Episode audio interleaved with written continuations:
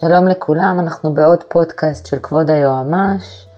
איזה כיף שאתם איתנו. היום נארח את אבירם גביש, יועץ משפטי ראשי וסמנכ"ל בבזן, ומי שניהל קריירה מאוד ארוכה בעולם הביטוח, אז עניין אותי להבין מה כל כך משך אותו לשם. הפרק בחסות ה-ACC, ארגון היועצים המשפטיים, והמנכ"לית שלו, נירה פורן, אז תודה לכם. האזנה נעימה.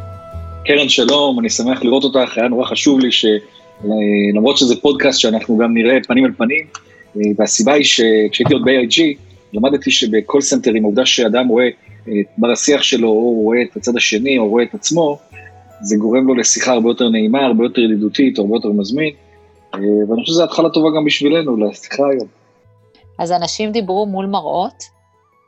כן, לכל נציג הייתה מראה בעמדה שלו, ואגב, אתה ראית בדיוק מי האנשים שהתקדמו אחר כך מעמדת נציג, מכיוון שהם המשיכו לשים את המראות.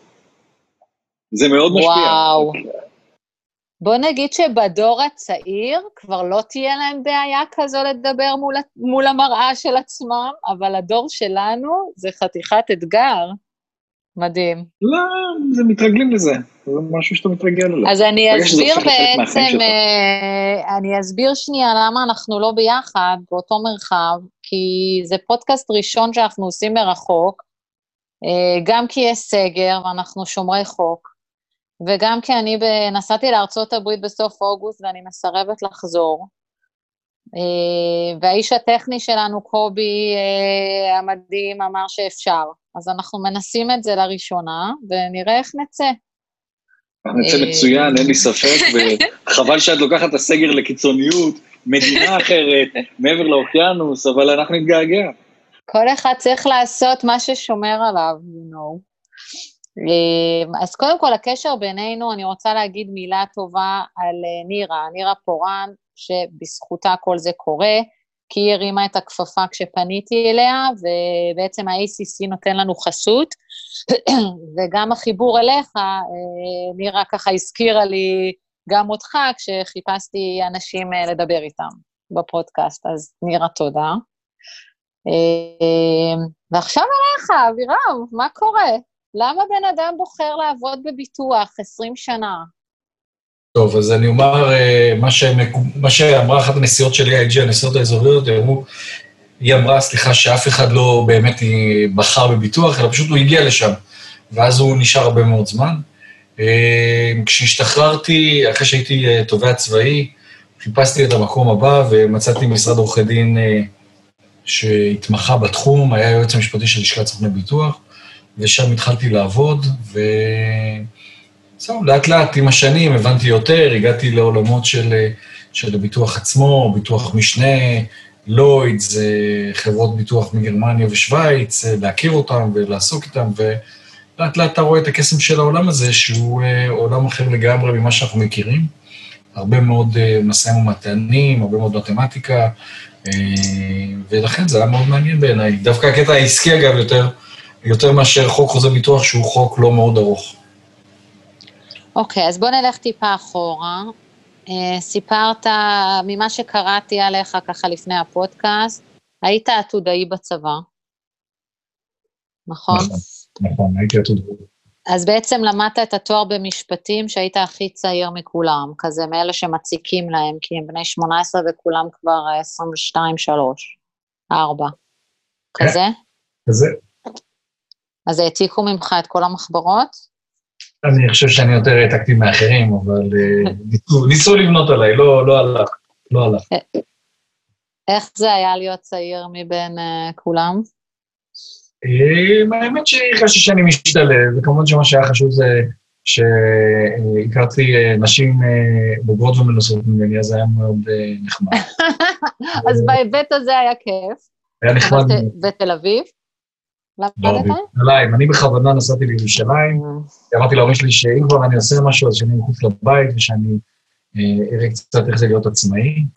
אה, שם גם, אגב, נפגשתי על הדרך גם מישהי היום אשתי, רק שהיא בגילי, היא הגיעה פשוט כמה שנים אחרי. אז איך היה ללמוד בירושלים? היה מצוין, היה אווירה סטודנטיאלית, כל הזמן, כל ערב הייתי אצל מישהו אחר, והכרת המון אנשים, ואחרי זה גם כל התלמידים שהם מחו"ל, זה היה ממש מקסים. אוקיי, okay, ואז אה, בעצם כעתודאי, אז מה זה אומר? אתה עושה את התואר, ואז אתה בעצם אה, משרת בצבא. נכון. ואתה אמור לשרת בתפקיד, כאילו פחות או יותר במקצוע שרכשת. נכון, זה היה בדיוק מה שעשיתי, הייתי תובע צבאי בפיקוד צפון, ואחרי זה בחיל האוויר. זה נשמע די uh, רציני. איך עושים את זה בלי שום ניסיון ו... ובגיל כזה צעיר? ככה אתה לומד את הניסיון. הופעתי בדיונים במעצר, הופעתי בתיקי הוכחות, סיכומים, ערעורים, כל מה שקשור בזה. זה... זה ניסיון מקצועי מטורף. נכון, נכון. ומצאת את זה מעניין? זה היה מאוד מעניין, אה, כשאפשר היה, אה, כשהגיעה עת להשתחרר, השתחררתי, וכשחיפשתי את הצעד הבא, אז חיפשתי להיות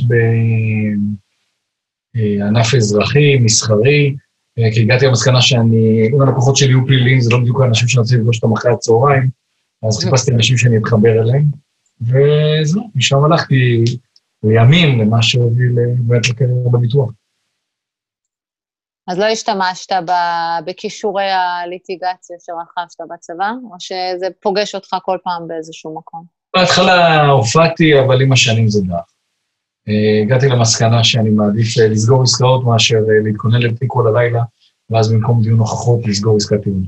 אז אני מאוד הערכתי את הניסיון הצבאי שהיה לי, מכיוון שהופעתי רבות בבתי משפט, הופעת מול שופטים מאוד מקצועיים שבקיאים בחומר, וגם למדו אותו לפני, וכתוצאה מכך, מה שגם השליך על הקריירה בהמשך, זה היכולת להעמיד טיעון בצורה מהירה, קצרה, ממוקדת ולשכנע, ולדעת לטעון ולהתמודד עם דעות אחרות של בכירים ממך.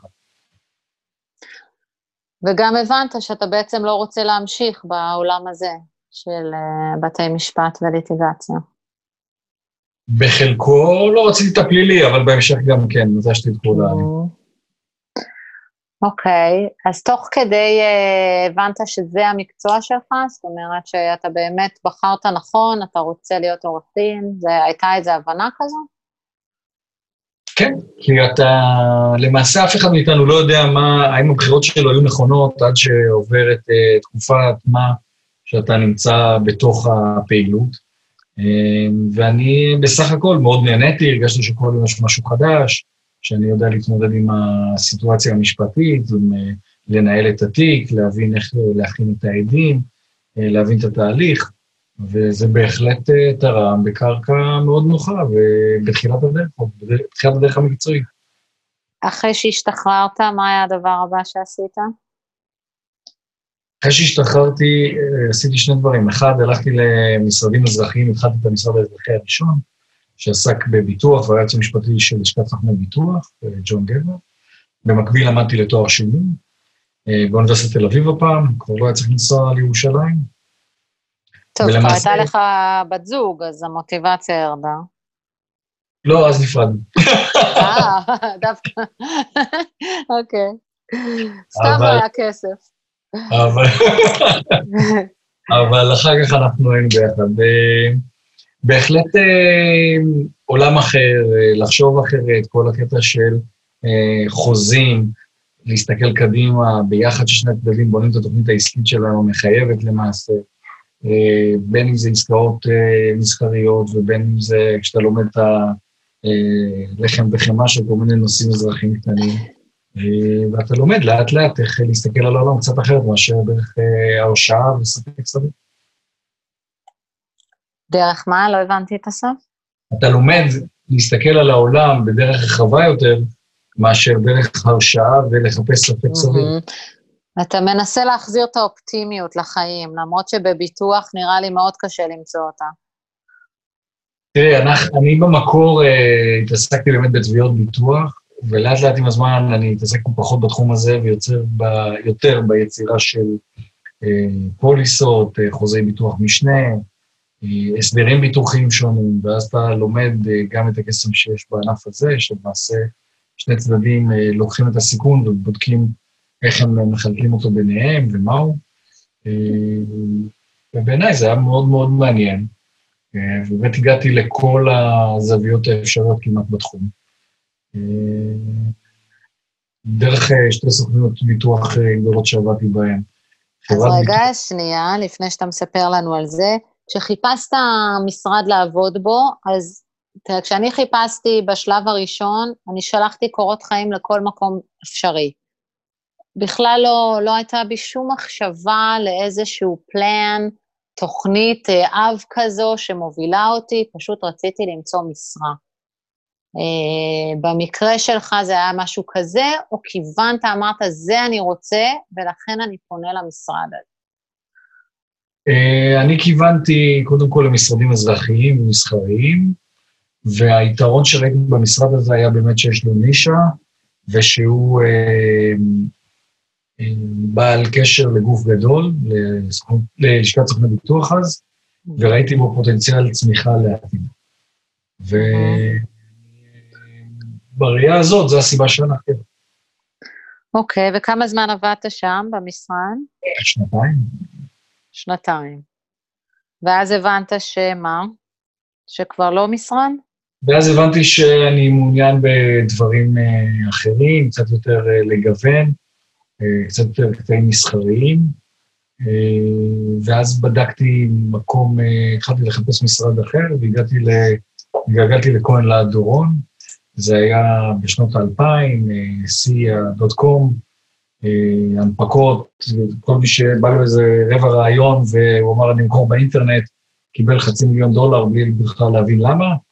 הנפקות בנסדק, הפעילות הראשונה, החודש הראשון שלי היה הנפקה כפולה, היה לי חברה אחת שמונפקה בתל אביב, וחברה אחרת שמונפקה בניו יורק. רגע, כאילו קפצת עוד פעם מעולם אחד לעולם אחר לחלוטין. זאת אומרת, קודם היית תובע צבאי, עברת לביטוח מסחרי וכולי, גם בלי שום הכנה, מה שנקרא, ועכשיו אתה אומר שצללת לעולם של הנפקות שאני קצת מכירה היום, אחרי שבע שנים בביג, וזה עדיין נראה לי מורכב. איך עושים את זה? האמת היא שבזמנו לא חשבתי על זה, אבל את צודקת. אה, אני חושב שאחת התכונות שלי זה שאני מאוד אוהב ללמוד, ואני מיישם די מהר, ואני מחפש עניין. כל הקריירה שלי בנויה על עניין, אני מחפש את הדברים שמעניינים אותי. אה, והעובדה היא שהתחלתי לאט לאט אה, להיכנס לנושאים, אני אוהב להיכנס לעומק ולפרק אותם. וזה נכון האמת, עברתי למשרד בתחום שלא לא עסקתי בו קודם, אבל השתלטתי בו די מהר, והתקדמתי בו. אתה לא זוכר חשש כזה או אחר של אני לא יודע, אני כן יודע, איך אני אעשה את זה, איך אני עכשיו אלמד את הכל. זה המחש... אין מחשבות כאלה, או שיש גם כאלה וגם, אבל זה מרתק אותי ללמוד משהו חדש, אני מאתגר את עצמי כל יום. מה, מה יותר נכון או... זה מאוד מעניין את השיחה הזאת, כי את מעלה דברים שלא חשבתי עליהם. אמ, לא, באמת, אה, אני שמחה לחדש לך, אחרת היינו משנים. לא, הייתה פה מחמאה. הייתה מחמאה. תראי, השורה התחתונה היא שלא, לא פחדתי משינוי, חיפשתי אותו. אה, זה היה טרנד מאוד חזק אז. מאיפה התחושה הזו שיודעים שמסתדר? זה לא, אתה יודע שזה לא מובן מאליו. חצי מהאנושות בערך, או מאלה שאני מדברת איתם, בעיקר מתמודדים עם איך להתגבר על הדבר הזה, איך להביא איזשהו תרמיל של ניסיון והבנה וביטחון ויכולת לתוך הדבר הזה. אתה אומר את זה כאילו זה ברור שידעת שתסתדר. תראי, זו שאלה מצוינת. התשובה שאני יכול לתת לה היא שאחרי תקופה מסוימת הרגשתי שהבנתי את המקום שהייתי בו, מיציתי, ואני אחפש את האתגר הבא. ואם אתה מחפש את האתגר הבא, והוא לא more of the same, אז אתה חייב לקפוץ למים שאתה פחות מכיר. אה, הדבר היחידי שאני יכול לומר לך זה שלקחתי איזה קורס סמסטריאלי על השקעות, ואז גם היה, עשיתי את התואר השני, אבל בין הקורס הזה לבין מה שעשיתי עוד היה מרחק לא קטן, אה, ואתה גם לא יודע איך אתה תשקף את זה, והשורה התחתונה היא שאתה בא עם המון אמונה בעצמך בסוף. אם אתה לא מאמין בעצמך, תנאי בסיסי, ואתה לא יודע להעביר לאחרים למה הם צריכים להאמין בך, שזה תנאי נוסף, הכרחי נוסף, אז אתה לא תוכל להתקדם, אתה לא תוכל לעבור, וכל הקריירה שלי למעשה, אה, יש בה מספר מעברים, שכל אחד מהם היה קפיצה בזכות עצמו. והקטע המשעשע הוא שאני פשוט, זה כל כך ברור לי שככה צריך לנהוג, שאני לא יכול לחשוב אחרת. זאת אומרת, אני, כשאת אומרת, תשמע, זה לא טריוויאלי, אז אני, את יודעת, כאילו, ככה, ככה ראיתי את זה תמיד. והאמת שעכשיו גם הבנתי, עכשיו גם הבנתי כמה מוקדם ראיתי את זה. כן, שניהלת את זה מלכתחילה ככה, זאת אומרת, כן. בלי לעצור. אז נגיד שהפילו עליך במרכאות, אני אומרת, כי כנראה לא הרגשת שהפילו עליך, אבל נגיד בן אנוש חלופי היה אומר, הפילו עליי, אה, את כל הנושא הזה של ההנפקה, אז מה עושים? איך לומדים את זה? זאת אומרת, אתה אומר, אני צריך ש... אסור שיבינו שאני לא יודע, אני הולך עכשיו לשבת כל הלילה, אה, שבוע שלם כל לילה, בשביל רק אה, להדביק איזה פער מינימלי שאני אוכל לתקשר בנושא. אני שואל את השותפים, כי בעצם מה הבעיה? זה בסדר שאני לא יודע? כאילו, מה מהדברים אה, אתה חושב ליווה אותך יותר? אני חושב שהיה לי איזשהו רקע, בגלל התואר השני, שלמדתי דברים שהיו קשורים, בסדר? אז הבנתי תנאים בסיסיים, דבר ראשון. דבר שני, היה ברור גם להם שאני לא מכיר את הנושא הזה, צריך ללמוד אותו, אז ליווה אותי עורך דין אה, ותיק יותר, שעד היום אני בקשר איתו אגב, אה, שהסביר לי והדריך אותי בתשקיפים הראשונים שהייתי מעורב. אה, תשקיף זה משימה מאוד מאוד גדולה, אז אתה צריך הרבה מאוד גורמים שיהיו ביחד. הסכמי השקעה אתה למדתי, הבנתי, דיו דיליג'נס וכן הלאה, אז שוב, זה היה בעומק יותר ממה שהכרתי קודם, כי העסקאות היו יותר גדולות, אבל אתה לאט לאט אה, לומד ומבין את זה. אה, אתה, אני לא חושב שבאיזשהו שלב אמרתי על משהו שאני לא יודע שאני יודע. אני חושב שאחד מהרשתות אה, הביטחון, אפרופו הסיכון שאת מעלה, שאתה הולך על משהו שאתה לא מכיר, זה שאתה משקף את המצב כפי שהוא, ואתה לא מייצר דימוי של סופרמן כשאתה לא. זאת אומרת, אה, באף רגע נתון לא סיפרתי שאני בטח מומחה בהנפקות אחרות שלא עשיתי אף פעם, אה, והבנתי, ומסכמי השקעה עשיתי, אז אמרתי שיש לי ניסיון, ואני חושב שתיאום הציפיות בינך לבין המעסיק העתידי שלך הוא נקודה קריטית, קריטית בהצלחה. אה, לא תמיד זה הולך אגב, לא תמיד זה הולך, לא... לפעמים אין כימיה ולפעמים לא מבינים אחד את השני. ותרבות ארגונית זה דבר שמאוד מאוד חשוב, אבל מהצד שלי, תמיד ניסיתי לוודא ששני הצדדים, שהצד השני מבין מה הוא קונה, וזה לא חתול בשק, זה אדם שמוכן ללמוד ומוכן להשקיע, ומצד שני, הוא אה, בעל יכולות והוא יעשה את זה מאוד מהר. טוב, זה גם uh, באמת צריך איזשהו ביטחון uh, פנימי לבוא ולהגיד, תקשיב, אני לא יודע, אבל אני אדע, ואני אדע את זה די מהר. אז אם אתה בעניין של לתת לי את ההזדמנות הזו, אני אדביק את הפער, מה שנקרא. אני חושב אה. שרקע שלי, זה מה שעשיתי, ואני חושב שהאיסוף של המקומות השונים מוביל לזה שהקריאה שלי אחר כך התייצבה לכיוון יותר אה, חזק, אבל אתה בהתחלה, שוב, בראייה שלי, אתה חייב לשים את הדברים על השולחן. גם אם אתה לא, אתה, אתה צריך להתחיל בעמדה קצת יותר חלשה, ואתה אה, לא מתחיל בתור אה, סופרסטאר, אבל אתה מתחיל, אתה לומד, ואתה מראה להם שאתה מסוגל להתגבר מהר מאוד, וגם את הסדרי השכר שלך אתה בונה בהתאם. אתה יוצר אטרקטיבי. יפה, אז יש גם ניהול אגו פה שהוא משמעותי. מאוד משמעותי. אז אה, בעצם זאת הייתה הפוגה מעולם הביטוח.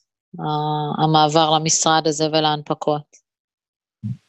בערך, כי המקום הבא שעברתי אליו היה דוידוף, לימים זה כבר דוידוף האודן, זה כבר עסקים שהתפצלו, האודן. עברתי למי שהייתה בשיאה סוכנות הביטוח החמישית בישראל. זאת אומרת, זאת הייתה הנקודה שבה סיימת לעבוד במשרדי עורכי דין בעצם. בדיוק, נכון. כמה שנות ניסיון כבר היה לך בשלב הזה? כעשר או פחות? שמונה. שמונה, אוקיי. ואז מה, החלטת שאתה לא רוצה משרד, או פשוט אה, הייתה איזו הזדמנות? האמת היא שבאיזשהו שלב ראיתי שאני לא אתכוון שם כמו שאני רוצה, וזה לא הולך לקרות, ומצד שני... במשרד עצמו, כאילו, להתקדם כן, כמו שרצית? כן, mm-hmm. ומצד שני, בבית, אשתי באיזשהו, אשתי היום, באיזשהו שלב, אמרה, תשמע, אני לא רואה אותך, וכשאני רואה אותך אתה כל הזמן עייף, כי אתה עובד כמו מטורף.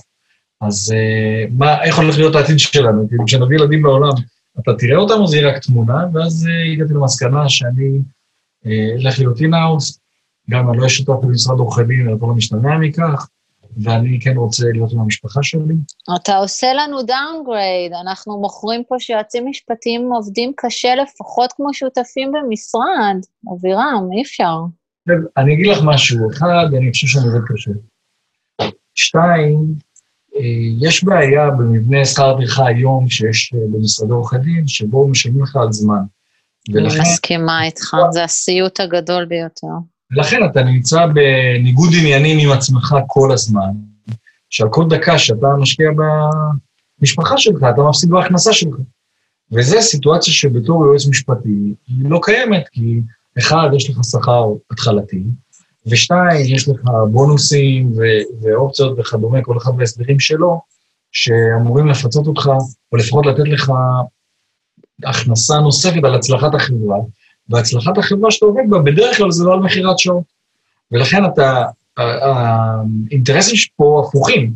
ככל שתסגור משהו יותר מהר ובצורה יותר יעילה, ככה משתלם לך יותר, שזה פונקציית המטרה של החברה, ומכיוון שפונקציית ההכנסות שלה היא שונה. אז אני לא, לא רואה את זה כדאונגרייד, אני חושב שבהתחלה בהחלט, אה, בהתחלה זה באמת היה ויתור מסוים, אבל אני לא מרגיש ככה בהמשך. ובשורה התחתונה, אה, אני מרגיש שאני עובד מאוד קשה, אני משקיע, אני זוכה להערכה כאדם כזה, ומצד שני, יש לי את הגבולות שלי, ואני כל פעם שאני מרגיש במשפחה, אני ממש אה, שלם, שקט, ולא מרגיש שאני עושה טובה לאף אחד. אני יכולה להגיד שהיות שהפודקאסט הזה הוא מרחוק, אז גם הזזנו אותו פעם אחת, והדבר הראשון והיחידי שכתבת לי, זה ממש בסדר, אני אהיה עם המשפחה שלי, מעולה, כולם ישמחו, אה, כשביטלתי את שבוע שעבר. אז uh, בהחלט uh, זה עדיין מלווה אותך, הדבר הזה. אתה עדיין אסיר תודה לזמן הזה עם המשפחה. כשאני מגיע הביתה, והם עדיין אומרים לי שלום, כבר לא כך צעירים, אבל הם עדיין אומרים לי שלום, זו הדקה שממלאת אותי. קודם כל הם מזהים אותך, תתחיל מזה. כן. נכון. וגם אשתך עוד מזהה אותך, ואתה עדיין היחידי שם באזור אה, בגילה, אז זה גם יתרון. נכון.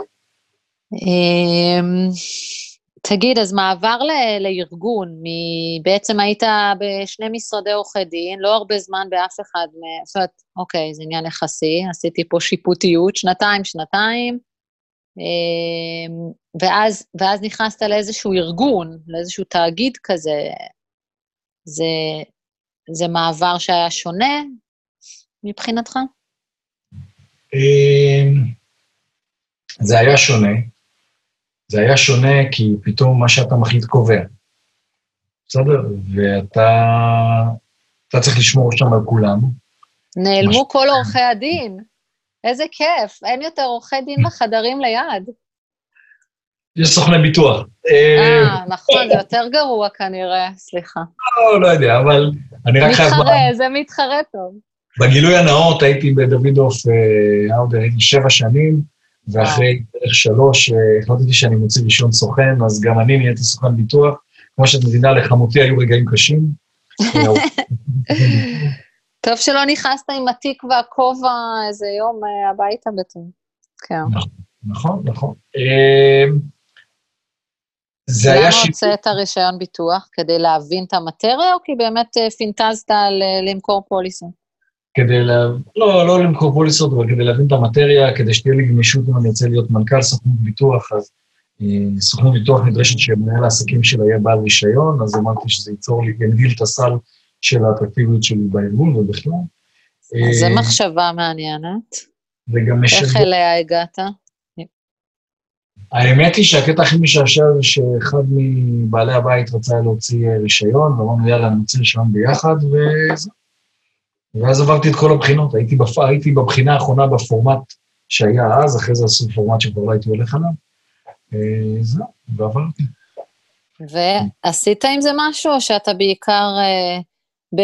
במשחקים של אה, אה, שקר או אמת, אז אתה שולף את זה בתור אה, סיפור מקביל למשהו כדי להטעות.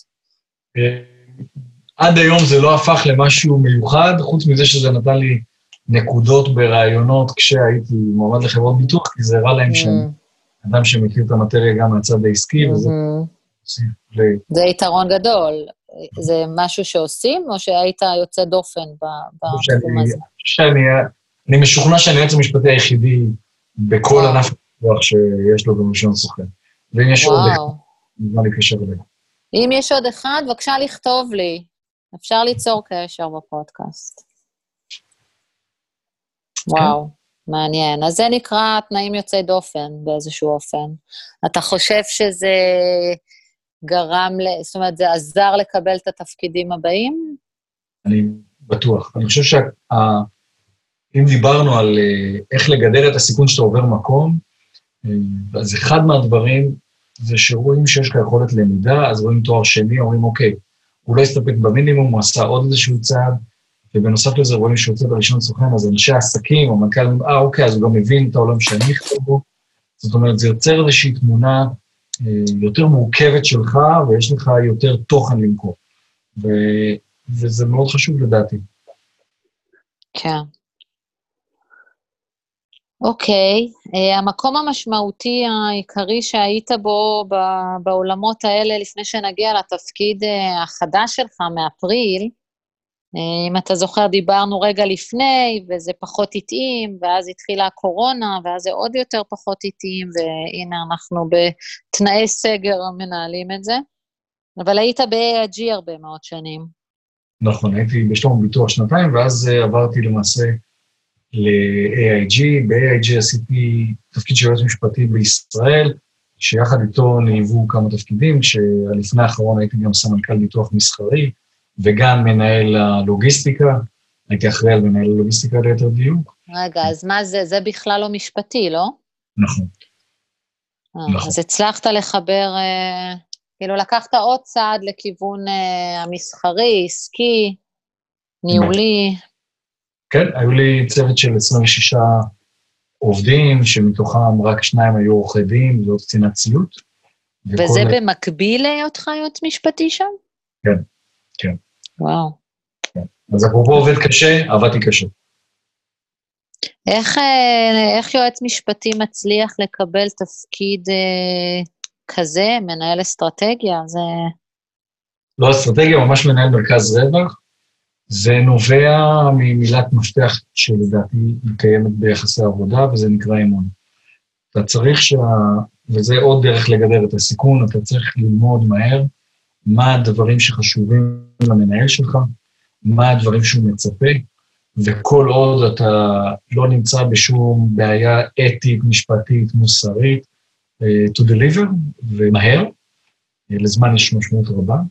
ומצד שני, אם אתה מגיע לסיטואציה שבה אתה לא מרגיש נוח, לדעת להעביר ולתקשר בצורה ברורה, נחושה, מכבדת, מאופקת, אה, קרת רוח, למה אתה חושב שמשהו שגוי, ולדעת לעמוד על שלך. והמשחק הזה, של מצד אחד איש מקצוע שאפשר לסמוך עליו, שיביא תוצאות אם הוא מאמין בהם, ומצד שני יודע לשרטט אה, גבולות, אה, מוביל לכך שאתה הופך לאדם שסומכים עליו, ויודעים שאם הוא אומר כן, אז זה כן, ואם הוא אומר לא, אז זה לא. ואז מנסים לתת לך עוד אפשרויות כדי לראות איך, איך אפשר uh, להיעזר בך יותר, איך אתה יכול לתת יותר לארגון. וזהו, זו הדרך שלי בכל מקרה. מה שנקרא בקטנה. כן. פשוט, פשוט. אוקיי, okay, רציתי לשאול לגבי השמונה שנים האלה ב-AID, שאמרת שגם uh, בעצם uh, התפקיד האחרון שלך היה בכלל לא משפטי. אה, אתה יכול להגיד אותו שוב? את ה... זה היה, זה היה התפקיד הלפני האחרון, זה היה... Mm-hmm. הייתי סמנכ"ל ביטוח מסחרי, יועץ משפטי וייעוץ משפטי ולוגיסטיקה, אה, ואת זה עשיתי שנתיים. ואז הבוס שלי בלונדון, ב-AIG יש לנו שני מנהלים, הבוס שלי בלונדון הקימו אזור חדש שנקרא מזרח תיכון ואפריקה, אה, שהבסיס שלו, אגב, היה, היום אפשר לדבר על זה חופשי, היה בדובאי, וזהו, המליצו, לי, אה, המליצו עליי להיות אה, אותו בעל תפקיד, וזה היה התפקיד האחרון שלי במשך שנתיים, הייתי יועץ המשפטי האזורי. אה, היו לי עשרה עובדים במוסקבה, בדרום אפריקה, בדובאי, בקניה ובישראל כמובן. אז בעצם אם היית נשאר, היית מצליח לבקר שם, מה שלא הצלחת עד עכשיו, או שהצלחת? לא... אפשר, אתה מנוע. את לא יודעת כמה ניסיתי ואיזה קומבינות, ופניתי לכל מדינה שההורים שלי או הסבים שלי הניחו עליה רגל, ושום דבר לא הצלחתי לפרוץ, והרמתי טלפונים לכל מיני חברים במשרד החוץ ובמשרדי ממשלה אחרים, כדי לדעת איך אפשר להיכנס עם דרכון ישראלי בלבד, כי אמרו לי, יש הרבה ישראלים שם, אבל אף אחד לא נכנס, לא נכנס אז עם דרכון ישראלי. נו, אתה רואה, היית צריך לחכות עוד קצת וביבי מסדר. חוסר סבלנות, זה, כן, שמונה שנים זה לא מספיק זמן. האינטרסים שלו לא, זהו, לא, לא התחילו. עובד לאט, עובד לאט, עובד לאט. אז הדבר הראשון שעשיתי אה, היה להתקין לכולם מצלמות וידאו, ועשינו שיחות Webex, אה, אז זו הייתה אפליקציה. עד היום אני חושב שמשתמשים בה. אה, התכוונת שדבר ראשון כל אחד תלה מראה. כן, בדיוק, יפה לך. כי אתה ב Webex גם רואה את עצמך, אה, כמו בזום. אה, ודבר ראשון היה באמת לשים מצלמות לכולם, אגב, כולל למדווחת ישירה שלי שהייתה קומה מתחתיי, ושיחות, עשינו ישיבות צוות, מובנות, ויצרתי את הסביבה, כמה שאפשר, את אווירת הצוות הזו, של אנשים באמת ממקומות שונים. צריך להבין שהיו לנו אני חושב, שישה אה, אזורי זמן שונים, אולי אני מזיד רק ארבעה. אה, היו לנו אה, ימי עבודה שונים, מי שהגיע ממדינות שהן נוצריות, אז עובד משני עד שבת, עד שישי, ומי שהגיע ממדינות שהן מוסלמיות או יהודיות, יהודיות, כן, רק אנחנו, אז זה מראשון עד חמישי, והשעות, בקיצור, צריך לאפס שם הרבה מאוד דברים. אני חושב שהדרך להוביל צוות כזה היא גם לייצר איזשהו אמון, אתה, אם אתה מבטיח משהו אז אתה מקיים, אם אתה קובע לוח זמנים אז אתה תמיד עומד בו ראשון, כדי שכולם יבינו שאתה רציני. אה, כשאתה שומע שיש בעיה אז אתה עוזר בה ולא אה, מתחיל אה, לנהל אותם, אתה לומד... תגיד רגע, איך, איך לימדת, כאילו זה שוב איזשהו עולם, כי מצד אחד נשארת ב-AIG, אבל זה ממש לא אומר שעשית את אותו דבר, זאת אומרת, שמונה שנים ב-AIG זה כמו לעבור איזה ארבעה-חמישה תפקידים שם, וכל פעם לגדול ולצמוח, ועכשיו לנהל צוות אה, חוצה יבשות, כאילו, אז זה גם משהו שצריך איכשהו ללמוד. זה הכל לימוד עצמי כזה? זה עוד פעם האומץ הזה, או מה, מה, מה קורה? תראי, אחד, אה, כן, כי אתה חייב לפרוץ למים ואתה צריך... הייתה לי דילמה, אגב, מאוד קשה. דיברת עליה קודם, מצד אחד הרצון שלי ללכת לעסק ולנהל ולעשות דברים אחרים, ומצד שני יש פה הזדמנות אה, של once in a lifetime בעיניי, זאת אומרת, אם זה, זה קפיצה כבר מעבר, נוכחות ב, באזור, זה כבר לא רק אה, על ישראל, אה, ולהוביל צוות, כמו שאמרת, שהוא שונה. אה, אני חושב שגם ב-AIG הייתה חממה נהדרת, היו כל מיני, עברתי כל מיני סדנאות על תרבותיות ומנהיגות וכן הלאה, ו... אני, אמ, סדנאות אמריקאיות, תמיד אתה מקבל הרבה ניירות והרבה חומר, ואתה לא זוכר רבע ממנו, אז אני החלטתי שאם אני מכל סדנה לוקח שני דברים, זה הישג מטורף, אז השתדלתי לזכור את הדברים, את השני דברים האלה. וואו. אה, ואתה לומד אה, בתנועה.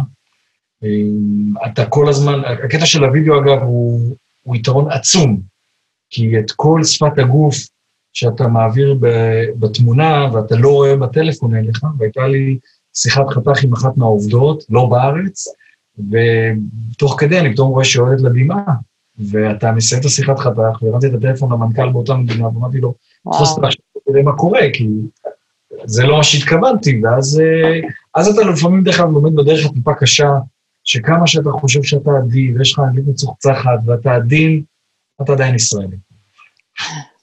אז בעצם האתגר פה היה גם אה, לתקשר עם אנשים אה, מתרבויות שונות, שזה משהו שהתווסף, כל ההיבטים האלה שכבר העובדים שלך הם לא ישראלים, זה עוד מורכבות. זו מורכבות שלא ידעתי להעריך אותה בהתחלה, צריך להגיד את האמת.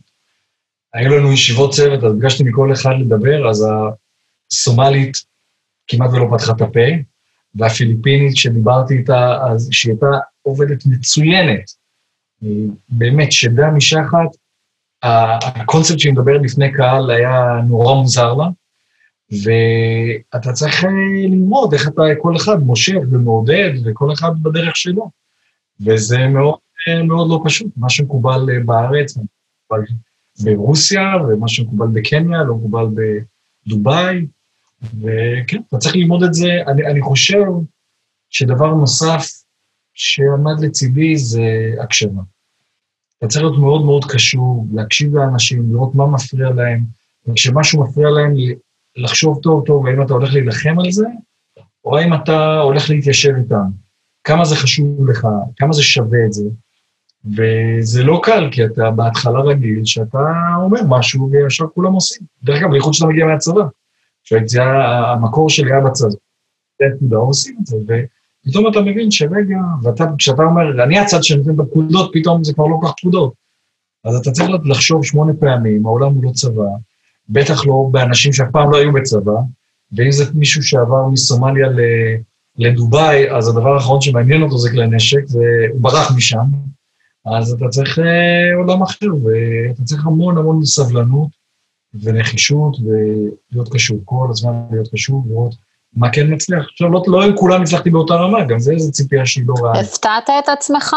חשבת שיש לך את היכולות האלה, מין אינטליגנציה רגשית כזו, או שחשבת שאתה ממש לא, אין לך את היכולת הזו והפתעת את עצמך ב... ביכולת אה, להגמיש את המחשבה מול אה, זולתים אה, מתרבויות שונות? תראה, האמת היא ש... שקצת הפתעתי את עצמי והייתי מאוד, בוא נאמר את זה ככה, הייתי מאוד מאוד מבסוט שכשהודעתי שאני עוזב, אז אנשים טרחו להרים טלפון, לשלוח מייל, לא משנה, כל אחד בשיטה שלו, ו... ולהגיד כמה חבל וכן הלאה ואיך... אבל. הסומלית בכתה שוב או לא? לא, לא, הסומלית לא בכתה, ובגלל שיש עוד שמונה אנשים שאת צריכה לנחש, אני אעצור פה ולא אגיד לי משהו. תגיד, שאלה אחרונה לפני שנגיע לתחנה הנוכחית. כל פעם שהתקדמת וקיבלת את ההזדמנויות האלה, זה הזדמנויות שלקחת, שיצרת, ששמת על השולחן את עצמך ואמרת, אני רוצה, אני יכול, היית ערני למשהו, איך, איך הדברים האלה קורים בתוך ארגון? כיועץ משפטי, אני חושבת שזה די, די מאתגר לנוע, או לפחות ככה חשבתי, ובכל זאת אתה כל פעם כאילו מצליח לשים אור על עצמך ולקבל עוד, אה, עוד לבלים של אה, עיסוק בתוך אותו ארגון ולצאת מהעולם המשפטי. אז זה משהו שבמודע עבדת עליו? זה משהו שהארגון הבין ואתה אסיר תודה על זה, או היו הזדמנויות והגשת מועמדות? איך זה עובד? אני אומר לך כך, קודם כל, אה, אני אסיר תודה לארגון, כי ב-IG היו המון דברים טובים. בסדר? מאוד מאוד נהניתי. ואני אספר לך את הסיפור שלא סיפרתי אה, לך, אני חושב, קודם, שב-AIG באיזשהו שלב הייתה תוכנית אה, במחלקה המשפטית העולמית, שבאה ואומרת שאתה יכול להתייעץ עם כל מיני אנשים, כל, כל מיני אנשים בכירים וזוטרים, יפנו את היומן שלהם ואפשר לקבוע איתם. שעה של התייעצות אישית, אחד על אחד. ומכיוון שאנחנו ישראלים ואנחנו חצופים, אז כמובן שאני קבעתי ישר עם היועץ המשפטי העולמי. אדם מספר אחד בארגון, אני מזכיר, חברה, לא יודע כמה שווי שוק שלה, אבל מאזן של 100 מיליארד דולר, בסדר? אז uh, אבירם גביש שנמצא, לא רוצה להגיד כמה דרגות מתחתיו, שדד שעה מזמן. ו... וזה היה מדהים, אגב, זה היה מאלף. ואחד הדברים שהוא בא ואמר לי, הוא אמר לי, תראה, אם אתה רוצה להתקדם, אתה חייב שיהיו לך מליצי יושר. שיהיו אנשים שאתה אפילו לא מכיר, שאתה לא יודע מי הם, שנמצאים אי שם במעלה ההר, שהם יגידו שאבירם גביש הוא האדם המתאים למשימה. וככל שיהיו לך יותר אנשים כאלה, ככה הם, הסיכוי שלך לעלות למעלה גדל. וזה המסר שהוא העביר לי. אגב, כמו שאמרת, כמו שאני יודע לעצמי, הוא אמר עוד הרבה דברים, אבל זה היה הדבר שאני לקחתי מהשיחה. וזה התחבר לי מאוד עם משהו שעשיתי במשך שנים קודם, אני כל הזמן שומר על קשרים עם אנשים, אני כל הזמן אה, מדבר עם אנשים לקראת החגים וימי הולדת, ואני נפגש איתם, ואני מתקשר, ואני אה, קפה וארוחת ערב, ומה שזה לא יהיה, כל הזמן, עם כל העולם ואחותו, וכל מי שאי פעם רוצה להתייעץ איתי, אני תמיד שמח להיפגש איתו, ואתה אף פעם לא יודע מאיפה זה יגיע. אה, ואז למעשה, מה שקורה זה שהאנשים האלה ממליצים עליך, וכמו שהיה את האפשרות ב-AIG, ואז למעשה המנהל האנגלי שלי המליץ לנשיא האזור לקחת אותי, אז uh, למעשה גם כשהגעתי למסקנה שאני מציתי את uh, עבודתי ב-AIG ואני עובר הלאה, אז גם שם קיבלתי המלצה שהובילה לזה שמוניתי לתפקיד בבתי זיקוק. וזה, אגב, כל הקטע של התיאוריות של קשרים חלשים זה זה. מירה פורן, אה, מירה הייתה שחקנית מאוד מרכזית בנושא הזה, ובזכות ההמלצה שלה הכל התגלגל לאן שהתגלגל, והגיע לאן שאני... ו, ולכן חשוב מאוד בעיניי לשמור על הקשרים האלה, לפתח אותם. אה, שוב, הכל במסגרת הדברים הנעימים, וגם לתרום את הערך המוסף שלך, ואם אתה יכול לעזור, אז תעזור, ואם אתה לא יכול לעזור, אז אל תעזור. אל, אל, אין אדם שיבוא ויגיד, שמע, אבירם אמר לי משהו ו-didn't deliver. זה, זה לא קורה. אז אם אני לא יכול, אני לא יכול, אבל אם אני כן יכול, אני אעשה את זה בשמחה. אוקיי, okay, אז בזכות זה אתה בפודקאסט שלי גם. אה, נכון. אז התחנה החדשה שלך היא בזן. אומייגוד, oh בתי הזיקוק לישראל בחיפה. מה הקטע? מייגוד, זה כאילו עולם אחר. לא, חברה ציבורית, ענייני סביבה, לא יודעת, בעלי עניין או שליטה, לא יודעת איך לקרוא לזה משמעותיים. אה, הרבה כותרות, לא? עולם אחר לגמרי, כבר לא חברה שבמאה אחוז בבעלות, אלא שותפות למעשה של 33 אחוז של עידן עופר ו-15 אחוז של מפעלים פטרוכימיים. והציבור, כאילו אתם ציבורים אה, בתל אביב. כן, ציבורים בתל אביב. אה, חברה שהתחילה את דרכה בתור אה, חברה שמנדטורית, טובה להיות חברה ממשלתית, הופרטה לפני 14 שנה, אה, כמו שאמרת, איכות סביבה, מאבקים עם, עם העירייה, יותר נכון מאבקים של העירייה בנו. כן, עולם אחר לחלוטין. וכמו שאמרתי, זה כחוט השני, כל פעם מחפשים את האתגר הבא, ולמעשה, מבחינתי, החברה הזו מגיעה בדיוק בזמן, שאני מבחינה... אז אתה, אין לך בעיה שאתה בסגר ולא צריך לנסוע לחיפה. אתה מבסוט. אם זה היה נכון, אז היית צודקת, אבל אני עושה הכל בחיפה. הייתה תקווה שיהיה איזה... היום הראשון שלי בעבודה, היום הראשון שלי בעבודה, נסעתי כל הדרך לחיפה כדי להגיע למשרד שרק אני פתחתי אותו. זהו. טוב, תשמע את הפודקאסטים שלי כל הדרך, ויש לי נכון. המלצות לאחרים, יש לך מלא זמן.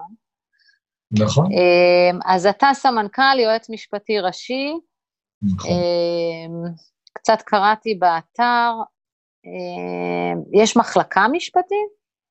יש לשכה משפטית, אנחנו... אה, לשכה, סליחה, סליחה. כן, כבוד. אולד פשן. אנחנו למעשה, יש לנו, אה, יש תחתיי שתי עורכות דין, יש לנו את מזכיר החברה, אה, שגם נותן ייעוץ משפטי מסוים, וכמו שאפשר לתאר, יש לנו הרבה מאוד נושאים על סדר היום. אוקיי, אז מה עושים? מה עושים כשנכנסים ללשכה? מה... מה... What's the plan? איך, איך מתמודדים? אני חושב שקודם כל אתה מתחיל ללמוד את, אה, נושאי, את הנושאים המקצועיים, להבין בדיוק מה ומי.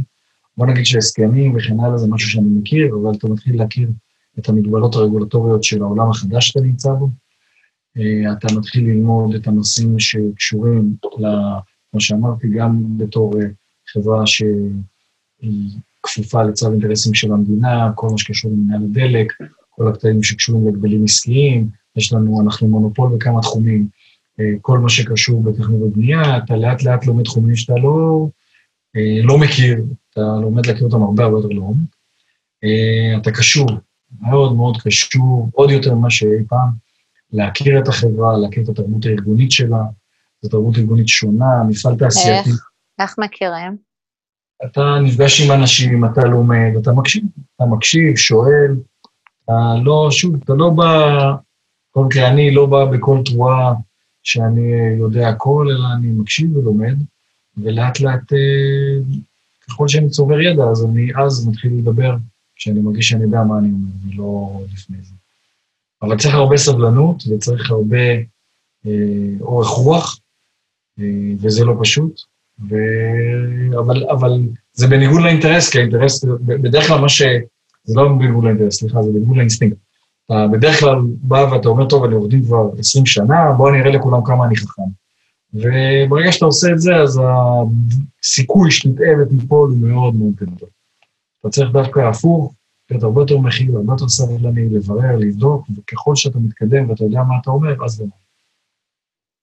חזרנו לעניין האגו גם. אין מה לעשות, אגו הוא אה, מורה רע מאוד. אז uh, הרבה פחות ניהולי במובן, כאילו האתגרים הניהוליים נראה לי השתנו לך, אם קודם היית צריך לנהל צוותים uh, all over the place עם אישיות, uh, כל אחד עם תרבות אחרת, פה הפוקוס הוא אחר, הוא יותר uh, כזה התכנסות פנימה לעשייה עצמה, זה נכון?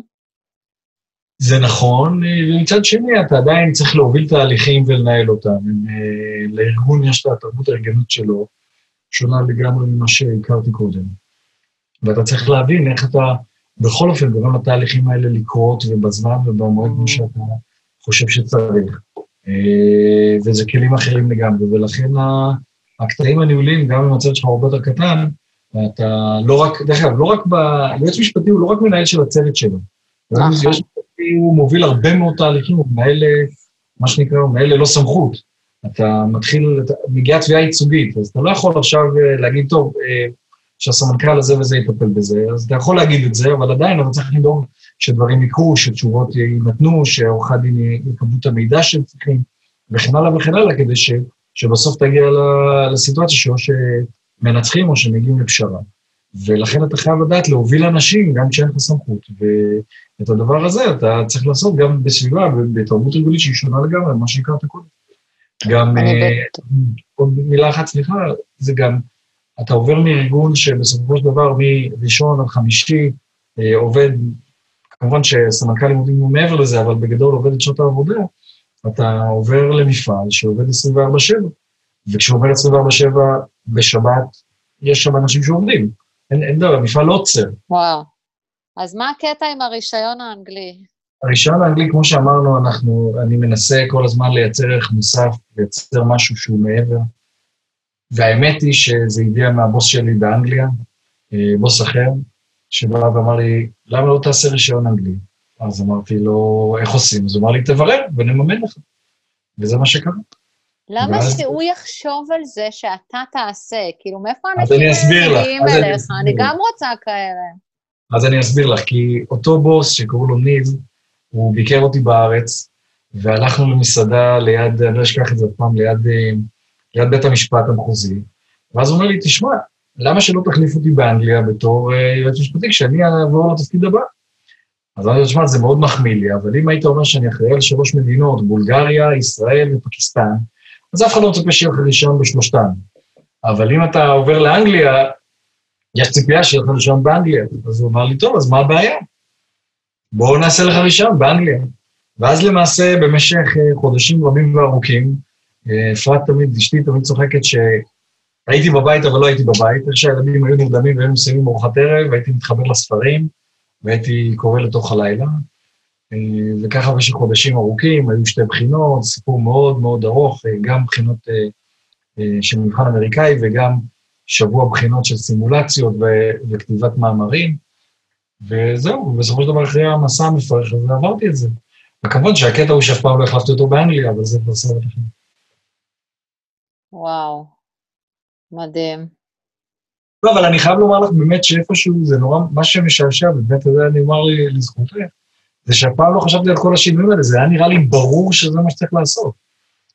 כאילו, אני תמיד חשבתי שאין נביא בעירו, שאתה אף פעם לא יכול להתקדם בארגון שאתה נמצא בו לתפקיד, כאילו, את הקפיצת שכר. אתה לא יכול לעשות את הקפיצת תנאים, כי אומרים, אתה יודע, העסקנו אותך ב-X שקלים, אז למה שנעסיק אותך בעוד 50 אחוז העלאה? איזה סיבה יש בעולם? ואתה צריך לייצר לעצמך את הערך המוסף הזה. אז או שאתה באמת בארגונים האלה הצלחתי לייצר אותו, או שעברתי הלאה. ואתה חייב לעשות את זה, כי כשאתה מגיע בתור יועץ משפטי ראשי, מלכתחילה, אז, אז מה השלב הבא? אתה לא יכול להיות ראשי סופר, זה לא עובד. אז, אה, אז, אז למה שייתנו לך יותר?